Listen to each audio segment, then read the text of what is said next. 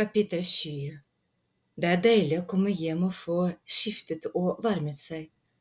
Line ville de skulle komme ned i kjøkkenet med en gang, men de lurer seg opp i tårnet først, da Astrid hvisker at de er på sporet av en oppklaring. Boken jeg fikk av Yusuf til jul, sier hun, om hvordan politiet jobber. Jeg er synsk, Yusuf ler. Jeg visste at vi kom til å trenge den. Er det sant, spør Emma. Er du virkelig synsk? Jeg har hørt om mennesker som finner ting som folk har mistet, og noen ganger vet de hva som skal skje. Yusuf rister på hodet mens han gliser bredt. Jeg bare tulla. Det hadde vært tøft, men jeg ser ikke en dritt. Vi hadde ikke med linjal ut da vi fant sporene ved sidedøren til kirken, sier Astrid, men vi fikk tatt gode bilder og jeg tror at støvlene til Ivar kanskje har samme såle. Egil protesterer. Han vil ikke høre mer. Hvordan kan du beskytte Ivar som nettopp forsøkte å ta livet sitt for å være en forbryter? Brystkassen hans hever og senker seg, og han er tydelig sint. Du er bare PR-kåt, sier han. Du er sur fordi du ikke får navnet ditt i lokalavisa her.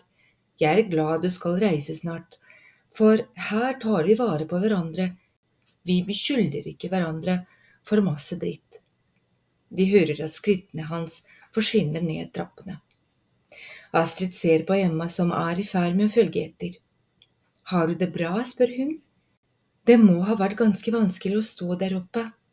Nei, nei, hva da? Det var ikke vanskelig. Astrid aner ikke hva hun skal si. Fordi jeg slapp å tenke på meg selv, sier Emma før hun forsvinner etter broren. Heller ikke nå vet hun hva hun skal svare, men det slipper hun å tenke mer på, for Yusuf hadde andre planer. De fikk aldri kysset inni i torkhatten, men tårnværelset er ikke så verst sted, det heller. Hun fniser fortsatt da de kommer ned på kjøkkenet til de andre. Jeg husker hvor deilig det var å være ung og forelsket, kvitrer Søs borte fra gyngestolen. Astrid kjenner at hun blir varm i kinnene. Som hun hater den rødningen. Ingen andre rødmer så ille som henne. I klassen, hjemme, med venner. Det skal ingenting til. Rødt hår og rød hud. Det er ikke akkurat drømmen. Likevel er det noe annet rødt som opptar henne mer rød maling på et sted hun ikke regnet med å oppdage den. Egil vil ikke se på henne, og tenk om Søs og Lina blir like sinte som han. Men det er jo slik at man ikke skal holde tilbake noe som kan ha betydning for etterforskningen. Kanskje hun skal spørre pappa først? Det mente i hvert fall Yusuf etter at de var ferdig med å kline. Pappa, sier hun, kan jeg få snakke med deg? Hun trekker pappa med seg inn i stua og lukker døra. Pappa lytter og nikker. Hvor så du malingen, spør han. Det var litt rødt på ermet til den mørke jakka. Og du er sikker på at det var maling? Nei, hun biter seg i underleppa. Men du har alltid sagt at vi skal fortelle politiet det vi vet, og så kan politiet se om det betyr noe. Og tenk om han rekker å kaste jakken på et sted vi ikke vet om. Espen politi svarer med en gang. Astrid forteller om jakken og rødmalingen. Espen blir helt stille en liten stund. Kanskje dere finner fingeravtrykk på korset, sier Astrid, og kjenner at hun er litt usikker på hva hun egentlig håper. Han er mye i kirken, sier Espen. Han har hatt noen vikarjobber der fra tid til annet. Det kan forklare sporene, sier Astrid. De store som bare gikk ut. Han kan ha gått inn før det snødde. Om natta da det ikke var andre der. Hvis han fortsatt hadde nøkkel. Heldigvis får hun lov av pappa å fortelle det hun har sett, til de andre, og alt de har funnet ut av sammen. Og om de siste brikkene som falt på plass etter at Emma reddet Ivar i nesten en time, helt alene. Det bare var som om noe ramlet inn i hodet mitt da jeg så rødmalingen på jakka hans, sier Astrid. En N. Vi var så opptatt av bokstavene skulle bety tall, Og så husket jeg at navneskiltet hans på døra hans, hjemme der han bor, og der sto det Iver Dahl. I det, skjønner dere? Han lekte med politiet. NN ukjent og Ivar Dahl, i det, identitet. Men jeg tror han egentlig ville bli identifisert, legger hun til. Det tror jeg også, sier farmor. Var dere og ringte på hos ham? spør Lina. Avtalen var jo at dere skulle gå tur. Det var første juledag, sier Astrid, før vi lovte å ikke gjøre for mye.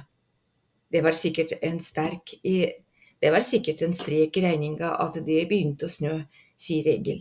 Kjipt å legge igjen spor i snøen når du går ut av kirken med tyvegods under jakka.